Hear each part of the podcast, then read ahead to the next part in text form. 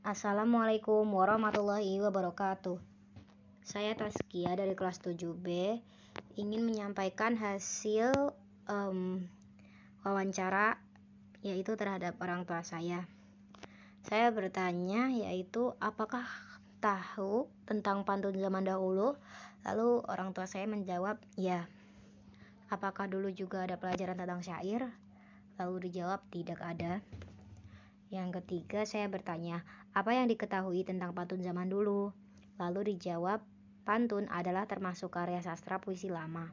Baris 1 dan 2 merupakan sampiran, sedangkan 3 dan 4 berupa isi. Lalu juga diberikan contohnya yaitu jika ada sumur di ladang, boleh kita menumpang mandi. Kalau ada umur panjang, boleh kita berjumpa lagi. Yang keempat, saya bertanya, apa syarat-syarat yang diketahui tentang puisi? Lalu orang tua saya menjawab, yang pertama puisi dituangkan dalam bentuk bait dan dalam bait ada sejumlah baris. Jadi penulisan tidak berbentuk paragraf. Yang kedua, jawaban kedua yaitu pilihan kata yaitu diksi dalam syair indah, padat dan seringnya berupa kiasan.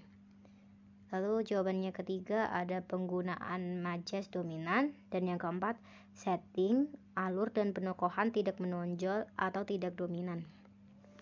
Lalu nomor si, nomor 5 saya bertanya, apa yang diketahui tentang gurindam? Lalu orang saya, orang tua saya menjawab, puisi yang memadukan sajak dan peribahasa. Gurindam terdiri dari dua baris dan bersaja A A. Baris pertama syarat dan kedua akibat atau jawaban. Pertanyaan keenam saya tanyakan kepada orang tua saya yaitu ketika dulu bagaimana cara mempelajari tentang puisi rakyat. Lalu orang tua saya menjawab, yang pertama memahami makna dan menemukan kata kunci. Yang kedua, menguraikan bait puisi menjadi prosa. Yang ketiga, menafsirkan makna dan yang keempat mengaitkan dalam kehidupan nyata. Sekian terima kasih. Wassalamualaikum warahmatullahi wabarakatuh.